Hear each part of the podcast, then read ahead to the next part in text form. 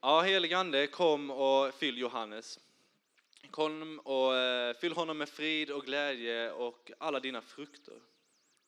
Kom och var med honom ikväll och låt oss få höra din sanning predikas här ikväll genom honom. I Jesu namn. Amen. Amen. Tackar särskilt för bönen där om andens frukter. Karl känner ett behov av det också, att jag blir snäll och sådär. Ja, nu får det vara nog med skämtet här, för nu ska vi prata om lite allvarligheter. Och... Eh, jag ska bara spilla lite vatten först. Om du har en bibel eller en sån här mobibel så kan du ta fram den. Eh, och ska vi läsa i Romarbrevet. Idag, för temat idag det är att vi kallar det till ett nytt liv. Läget heter ju att vi kallar det till livet. Och idag ska vi kalla det till ett nytt liv också. Och då ska vi läsa i Romarbrevet och det är sjätte kapitlet.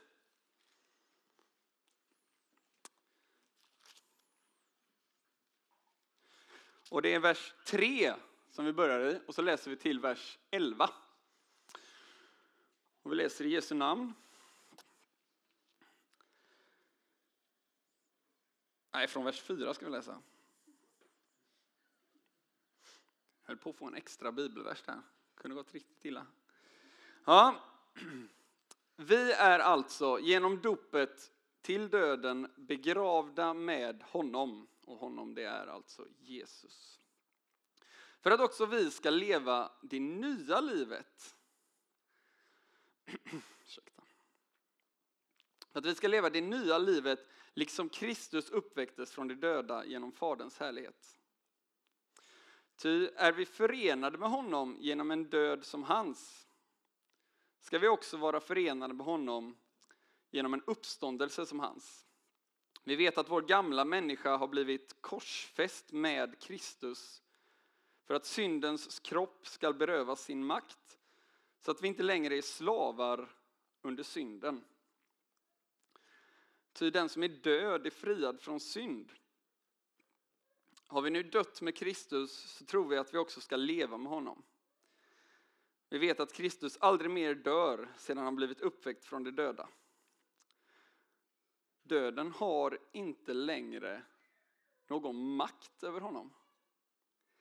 Till hans död var en död från synden en gång för alla. Men det liv han lever, det lever han för Gud. Så ska också ni se på er själva.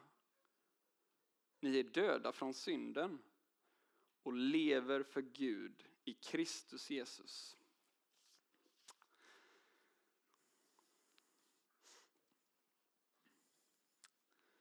Spelar det någon roll hur eh, vi lever våra liv? Spelar det någon roll? Tänk ytterst sett när eh, du är död. Tänk om det inte finns en Gud. Tänk om det inte finns en Gud och så ska du summera ditt liv. Ja, då slutar allas liv på exakt samma sätt med att vi dör.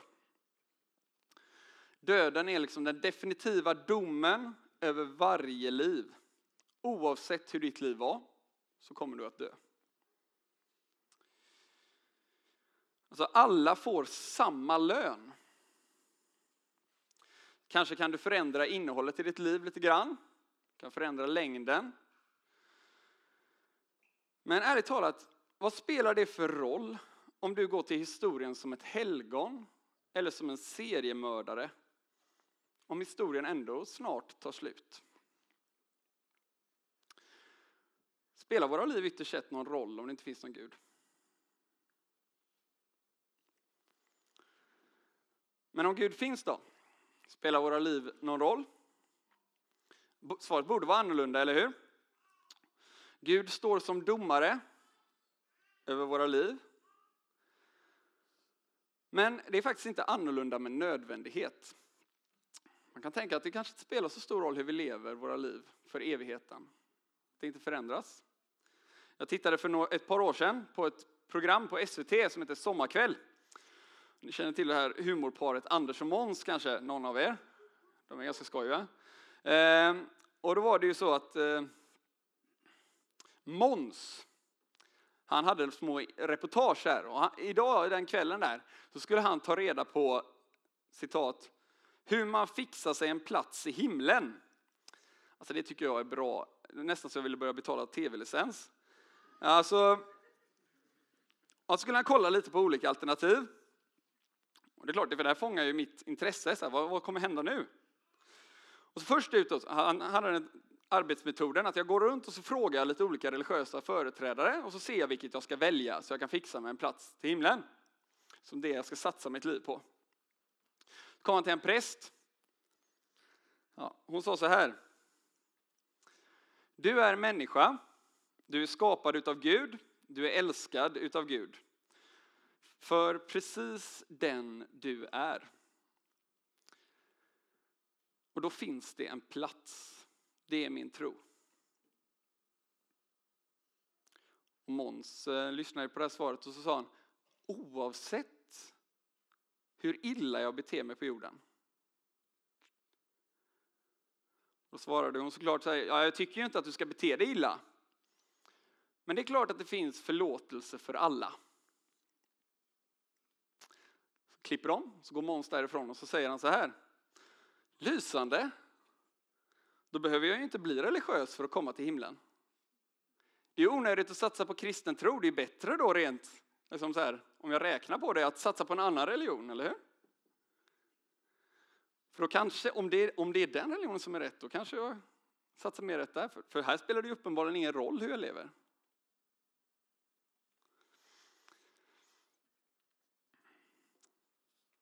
Och det är klart att kristen tro är helt meningslös om det är så.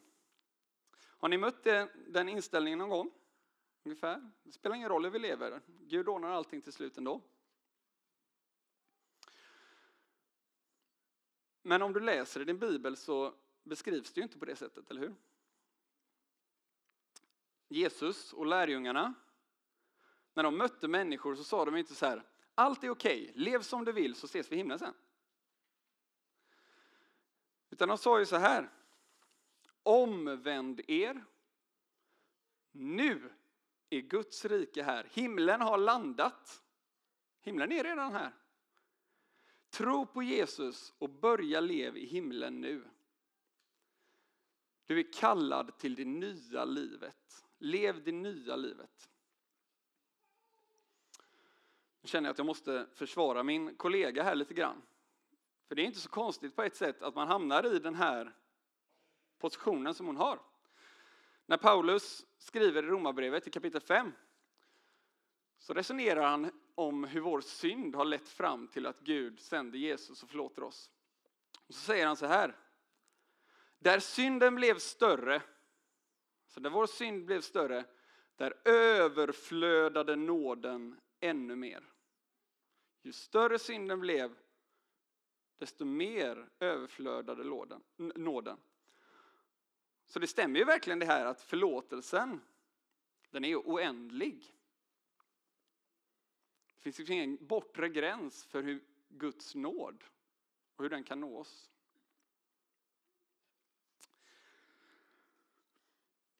Men Paulus korrekt, ja, det, han korrigerar det i den text som vi läste här nu. Så det är det vi ska prata om. Jag hörde en kollega, han hade väldigt mycket att göra. Kan jag känna igen mig ibland. Eh, och han hade anlitat en städerska för att liksom få saker och ting att gå ihop. Och han sa så här att mitt hem har aldrig varit så rent som det är nu för tiden.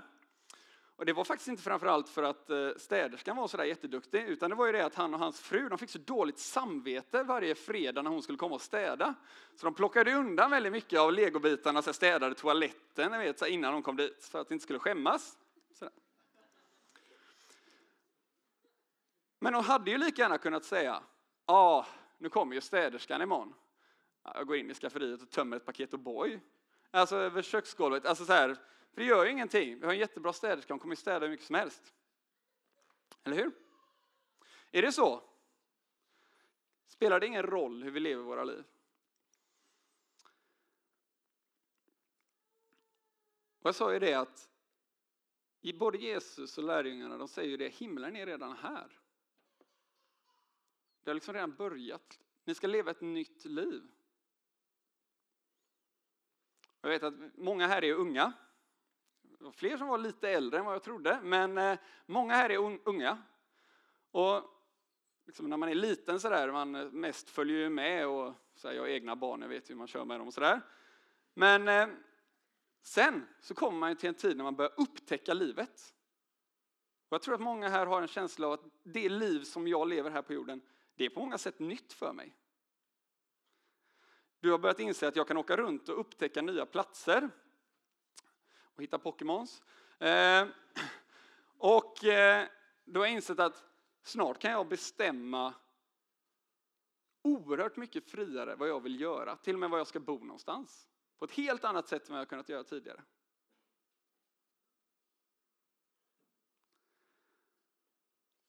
Själv kommer jag ihåg hur det var på högstadiet. Det var, liksom bara så här, det var väl över en sommar sådär.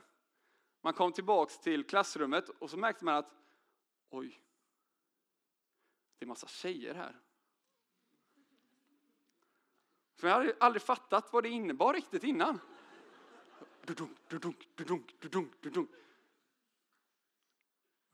Helt berusad av det här nya livet. Så en, helt, en helt ny dimension som öppnade sig. Så här. Har, har ni den känslan nu i er? Ja, jag, jag, jag ska inte. Men alltså, just den här fascinationen av det nya livet.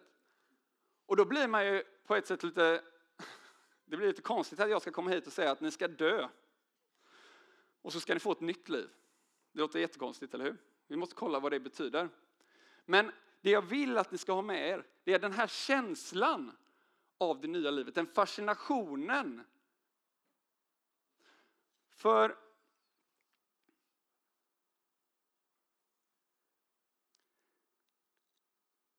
det nya livet innebär att det finns ytterligare en nivå av nytt liv. Livet är fantastiskt och vackert som det. Men Paulus säger till och med att vi kan räkna oss som döda för det här livet. För det finns någonting som, en helt ny nivå, en helt ny dimension som att komma tillbaka från sommarlovet. Efter sjuan kanske det var. Eller sådär. Hoppas ni är sugna på det livet, för det ska vi prata om nu. Men det är lite svårt att förstå Paulus. Jag har till och med ett bibelord som stöder min tes. Petrus säger så här. Vår käre broder Paulus har skrivit till er i enlighet med den vishet han har fått. Jag tror han är lite ironisk där. Ehm, och så säger han, det gör han i alla sina brev när han talar om dessa ting. Så kommer det, där finns somligt som är svårt att förstå. No shit. Alltså, alla prästers favoritbibelord. Så här, ja. Då står det så här. Detta, liksom vad står det i de övriga skrifterna, förvränger okunniga och obefästa människor till sitt eget fördärv. Och jag tänker ungefär det är det som händer. Man kan ta vissa av det, saker av det som Paulus säger. Det var det som vissa personer hade gjort. Nåden överflödar ännu mer. Vi kan bara fortsätta synda. Det spelar ingen roll hur vi lever våra liv. Jesus kommer förlåta oss. Och så säger Paulus, han tar upp den här frågan. Nu säger vissa av er, han säger det, det är verserna innan här, ni fick inte den versen, men ni kan kolla i er egen bibel om ni har den. Så säger han så här, ska vi då fortsätta synda så att nåden blir större? Och när han ska besmöta den, bemöta den invändningen, besmöta den invändningen, ah, ja. ja, så eh, talar han om dopet. Och säger han, vi har blivit döpta och dopet innebär att våra liv det har dragits in i Jesu liv. Paulus nämner tre saker. Vi har begravts med Jesus. Vi har korsfästs med Jesus. Det är lite oklart varför han tar det i den ordningen. Man brukar ofta korsfästas innan man blir begravd. Men ja, ja, jag tror inte det är en jätteviktig poäng där. Men vi har begravts, vi har blivit korsfästa och vi har uppväckts med Jesus. Och det gör från att vi har gått från ett liv, det gamla livet om du så vill, där vi var slavar under synden och döden, till ett nytt liv. Och övergången däremellan det är Jesu liv. Så har du det gamla livet och det nya livet och mittemellan där har du Jesu liv. Och det är mina tre punkter för den här predikan. Vi ska kolla på först det gamla livet. Och Paulus säger, konstigt nog kanske, att det livet kännetecknas av slaveri. Livet utan Jesus det är ett slaveri. Synden och döden regerar över oss. Och vi måste tjäna dem. Synden och döden hänger ihop för Paulus. Synden är det som leder till att vi dör. Synden har kommit in i världen, förstör Guds liv, förstör det goda som han har skapat och leder till döden. Syndens lön är döden, säger han. Och de här två regerar över oss. Våra villkor här på jorden, det är att vi är slavar under synden och döden. Och därför är det så att oavsett vad folk säger så påverkar döden hela våra liv. Det är som att döden står där med sin lie och tittar på dig. Och så säger han så här.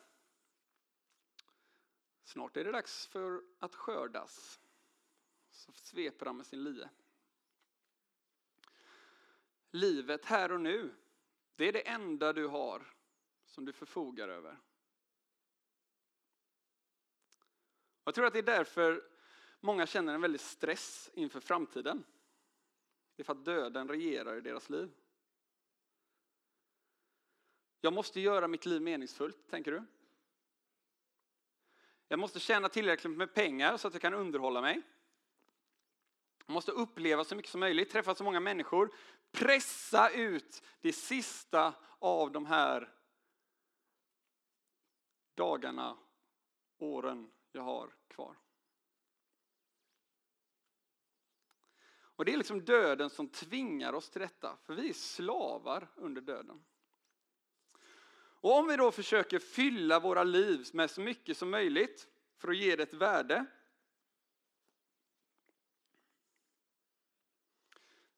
Får man väl säga på ett sätt, det är klart, vi måste ta vara på våra liv.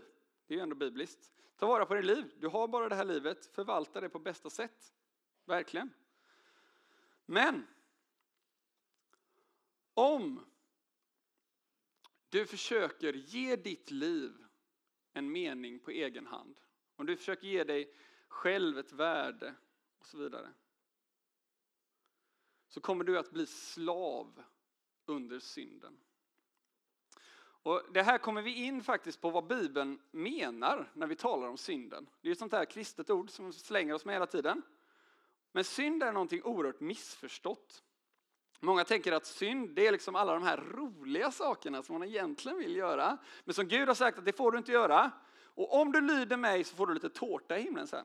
Ungefär. Ingenting kan vara mer fel. För problemet med synden, det är inte att det är liksom så här, det vi längtar efter. Att det är dåliga saker.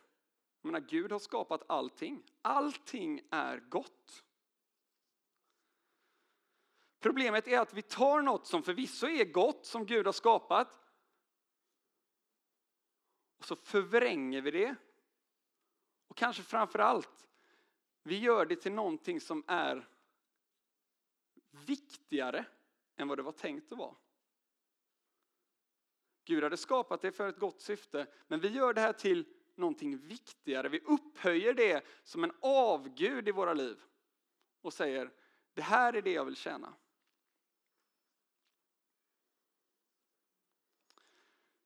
Två exempel får ni. Karriären. Det är väl bra att göra karriär, eller hur? Satsa på skolan, få ett fint jobb, kunna bidra till samhället. Skitbra grej. Men om detta blir för viktigt för dig, om det blir det som bestämmer om du är lyckad eller inte. Om det är det som så att säga bestämmer vilka vi är, som ger oss vårt värde, ger oss mening i livet. Det som vi tänker ska vara vår trygghet. Ja, då har du ju verkligen tagit Guds plats, eller hur? Då är det en avgud. då kommer du inför den här guden att offra allting annat. Dina vänner, din familj, för du prioriterar karriären. Du kan till och med tänka dig att roffa åt dig och skada andra när du ska ta dig fram med dina armbågar. Så att säga. För det här har blivit en avgud för dig. Du har perverterat det här goda. Det var ju ungdomsläger det här på något sätt, unga vuxna och sådär, så jag tänkte att vi får andra exemplet får väl vara sex då. Och sex är någonting fantastiskt gott som Gud har skapat. True story. Jag menar, han hade ju kunnat bli skapare på fortplantningen på ett betydligt mer tråkigt, tråkigare sätt, eller hur? När jag undervisar om sex så brukar jag ofta köra den här om Johan Glans. Det är en annan skön komiker, va? Han säger det att liksom påven, han måste ju då eh, på något sätt erkänna det här att sex, det är ju ändå skapat av Gud. Så här. Gud hade kunnat skapa det på ett helt annat sätt. Vi kunde haft det som fiskarna, ni vet. Kommer en hona sådär, släpper lite ägg sådär, går undan, släpper lite ägg och sen, sen simmar hon iväg. Sen kommer hanfisken långt senare och så spiller ut sin mjölke sådär. Och så blir det nya fiskar. Sen, tänk om vi hade haft det så. Min fru kommer ut i sovrummet och säger, ja då är jag klar där inne. Ja, ja, ja okej, ja, då går jag in här då. Skittråkigt, eller hur? Det är något fantastiskt gott.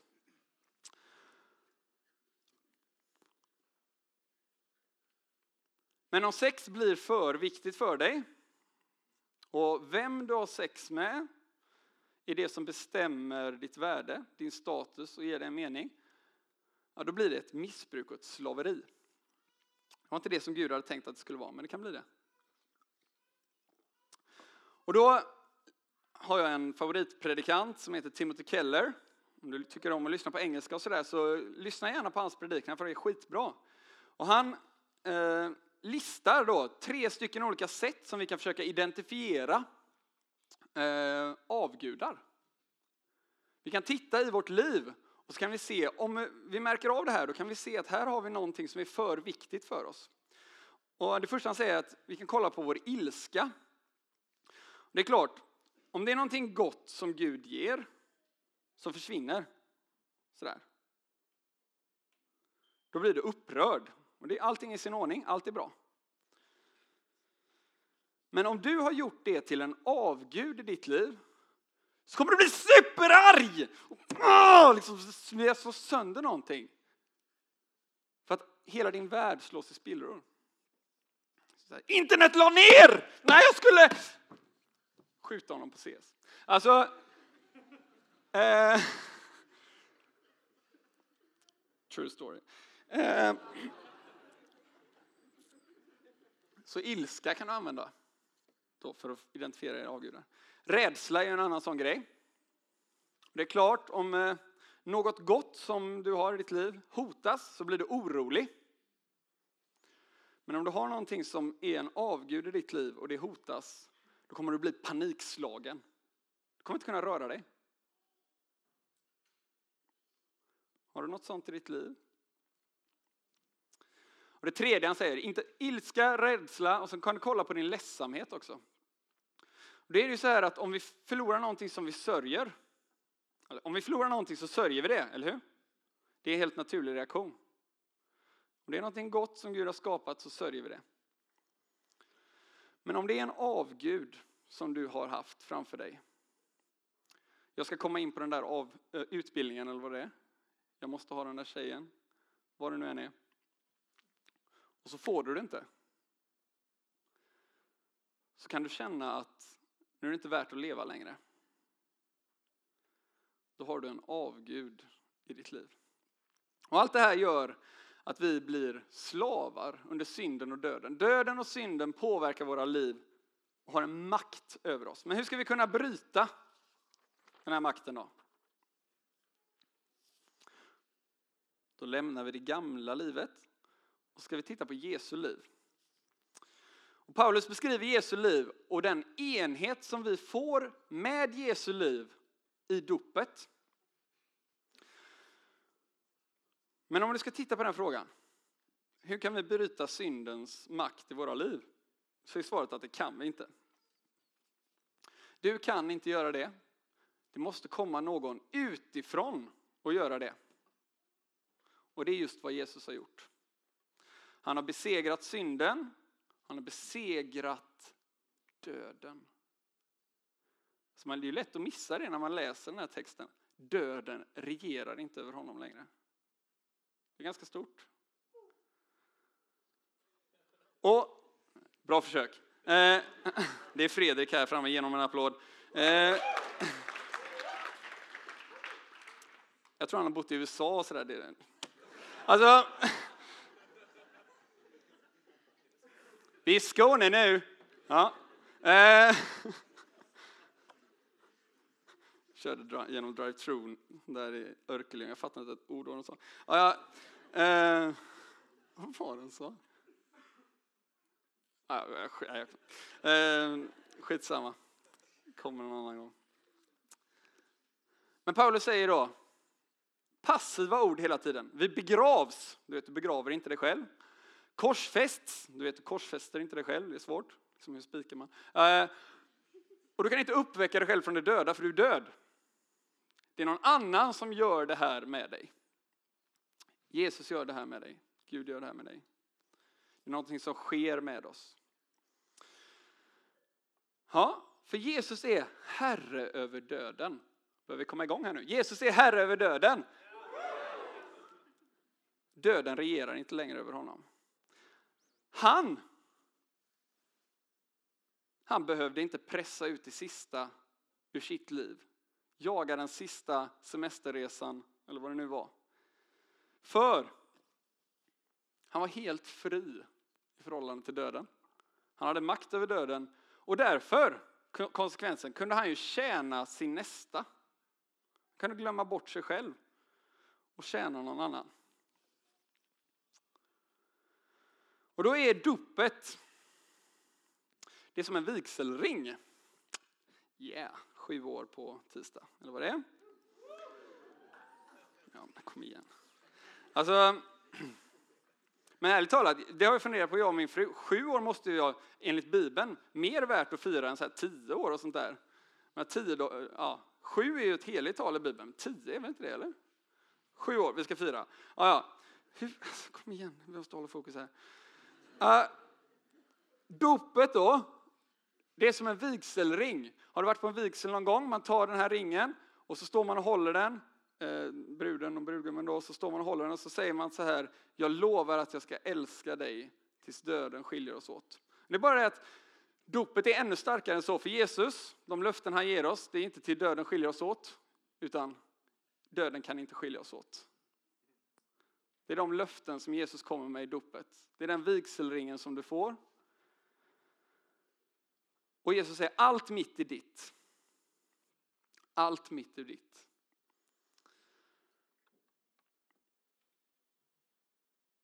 Men om vi stannar där, alltså vi är nöjda med så här, okej, okay, Jesus är skitrik och nu är jag gift med honom så jag kommer få ut mitt arv när jag dör. Så livet här och nu, det spelar ju ingen roll. Då vore det absurt, eller hur? Det är som att gifta sig och sen säga, åh vad skönt, nu behöver jag inte umgås med henne längre. Hon har ju lovat att hon ska älska mig resten av livet. Kan jag satsa på andra tjejer?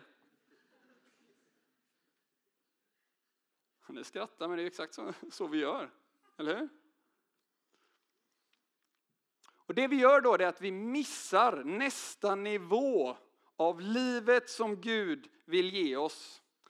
Och det är så här, den främsta, jag tror det här är egentligen nyckeln i hela den här texten, att du har en för låg ambitionsnivå på ditt liv. Nu blir jag lite känslosam här, men du har en för låg ambitionsnivå på ditt liv. C.S. Lewis har en bild för detta. Han beskriver att genom dopet så förenas vi med Jesus, vi blir ett, vi får del av hans liv, allt detta. Det är som att Jesus flyttar in i ditt hus. Så liknar han våra liv vid ett hus. Och sen Jesus flyttar in där, så börjar han gå omkring i ditt liv och så hittar han eh, ett, eh, ja, några rör som står och läcker vatten sådär. Ja, så lagar han dem. Känns ju ganska bra, slippa läcka vatten sådär hela tiden. Alltså det här är en bild, eh, ska säga det, det, är inte, det handlar inte om fysiskt då, utan det handlar om eh, liksom inre då. Han lagar inre sår och sånt.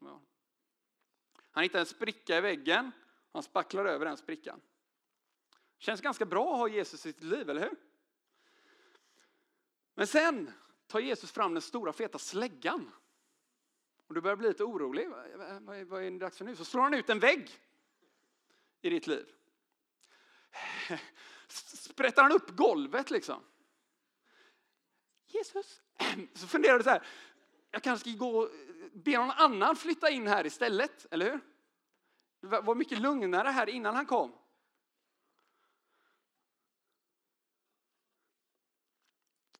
Men så får du syn på ritningen som han håller i sin hand. Ritningen över ditt liv, vad han vill göra med det. Och du hade tänkt så här, men Jesus han ska nog bygga en liten mysig stuga av mig ute i skogen men det, ärligt talat, det var ju därför jag blev kristen, så jag kan sitta där och mysa med tända ljus och en mysig liten bok och sådär, eller hur? Ungefär den ambitionsnivån du hade när du tänkte att du skulle bli kristen. Ja, jag vill ha inre frid. Och Jesus bara står där med slägga, så här, vad håller du på med liksom? Vi ska inte bygga någon stuga.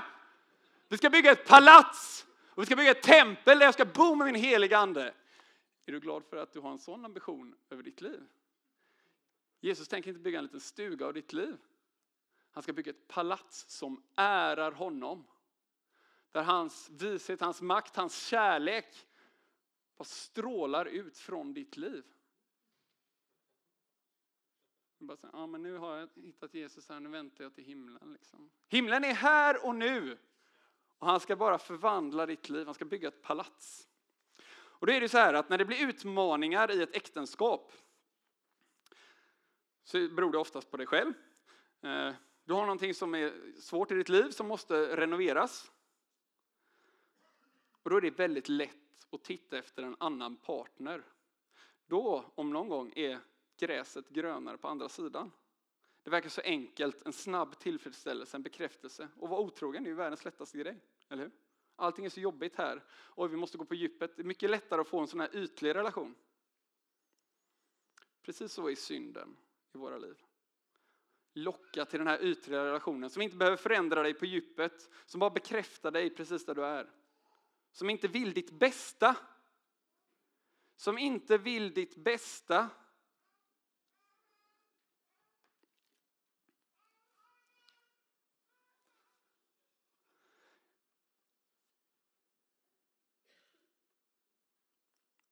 När vi har en sån version för vårt liv, då bleknar allt annat.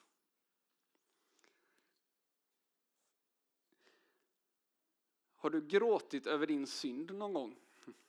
Kul grej att säga på ett möte. Har du gråtit någon gång över synden i ditt liv?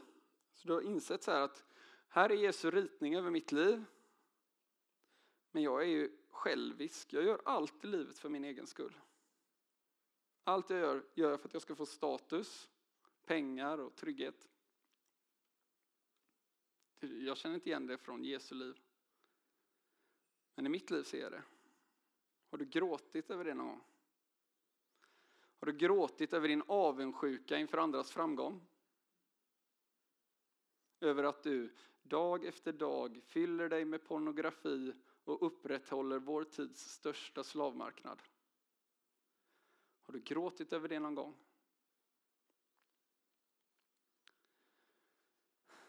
Jesus älskar dig och han vill bygga ett nytt liv tillsammans med dig. Inte bara en mysig liten stuga ute i skogen.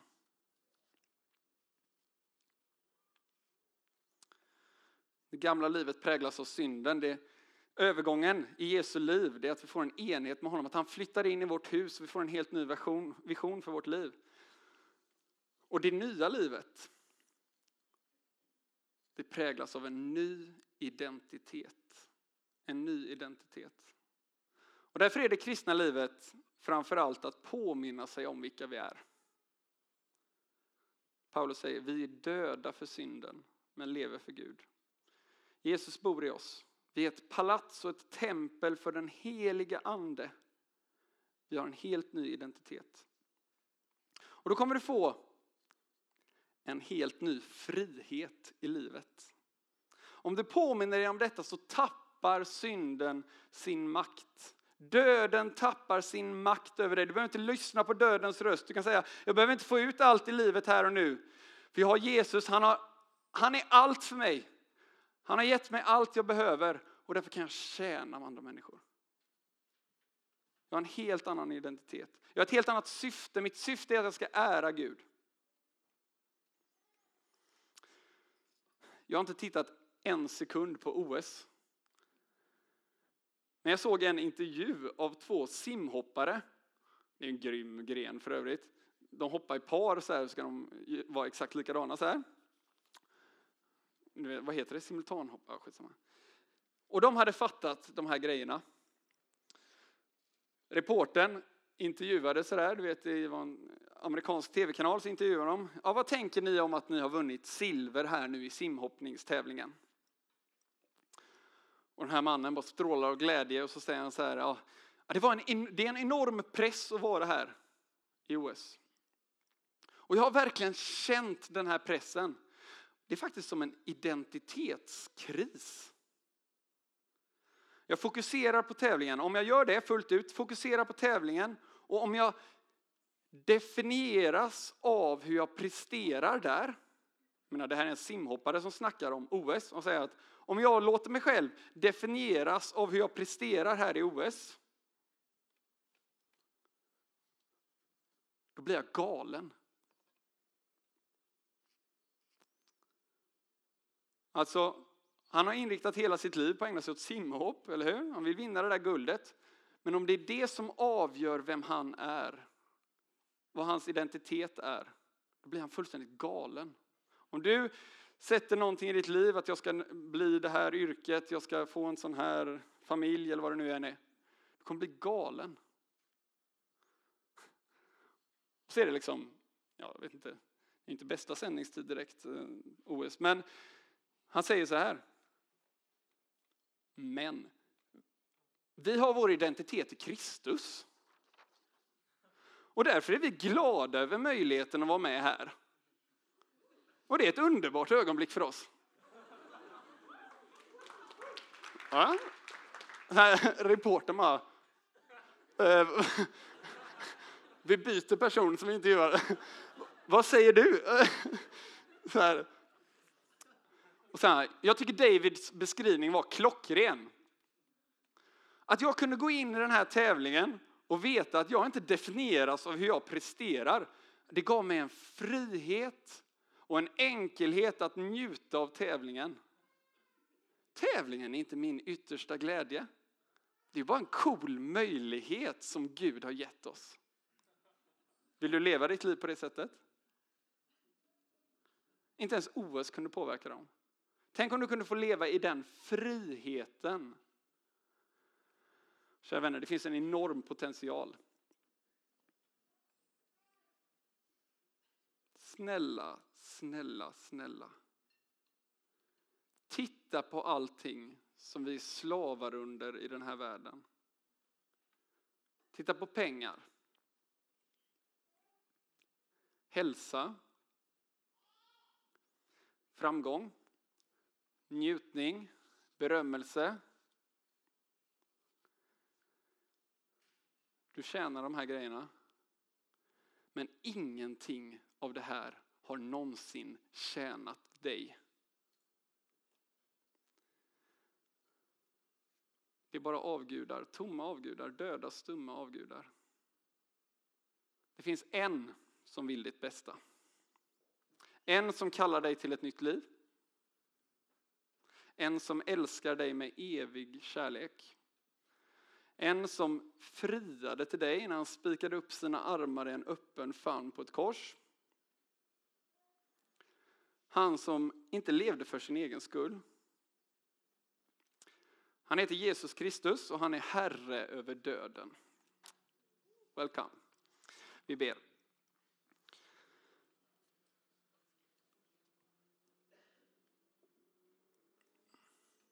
Jesus, vi tackar dig för det nya livet.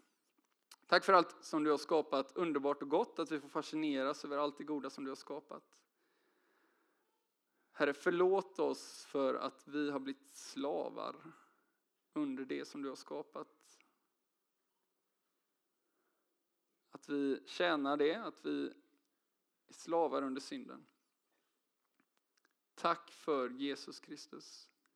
Tack för att du är Herre över döden, över synden. Att du har dött för oss, att du har tjänat oss. Så att vi ska kunna få bli helt fria. Kom nu med din heliga Ande, flytta in i våra liv. Ge oss en ny potential, eller en ny vad ska man säga, ambitionsnivå. Kom med din kraft, fyll oss med ditt liv. Fyll oss med din heliga Ande. Och påminn oss dag för dag att tänka på att vi är döda för synden, men vi lever för Gud i Kristus Jesus. Amen.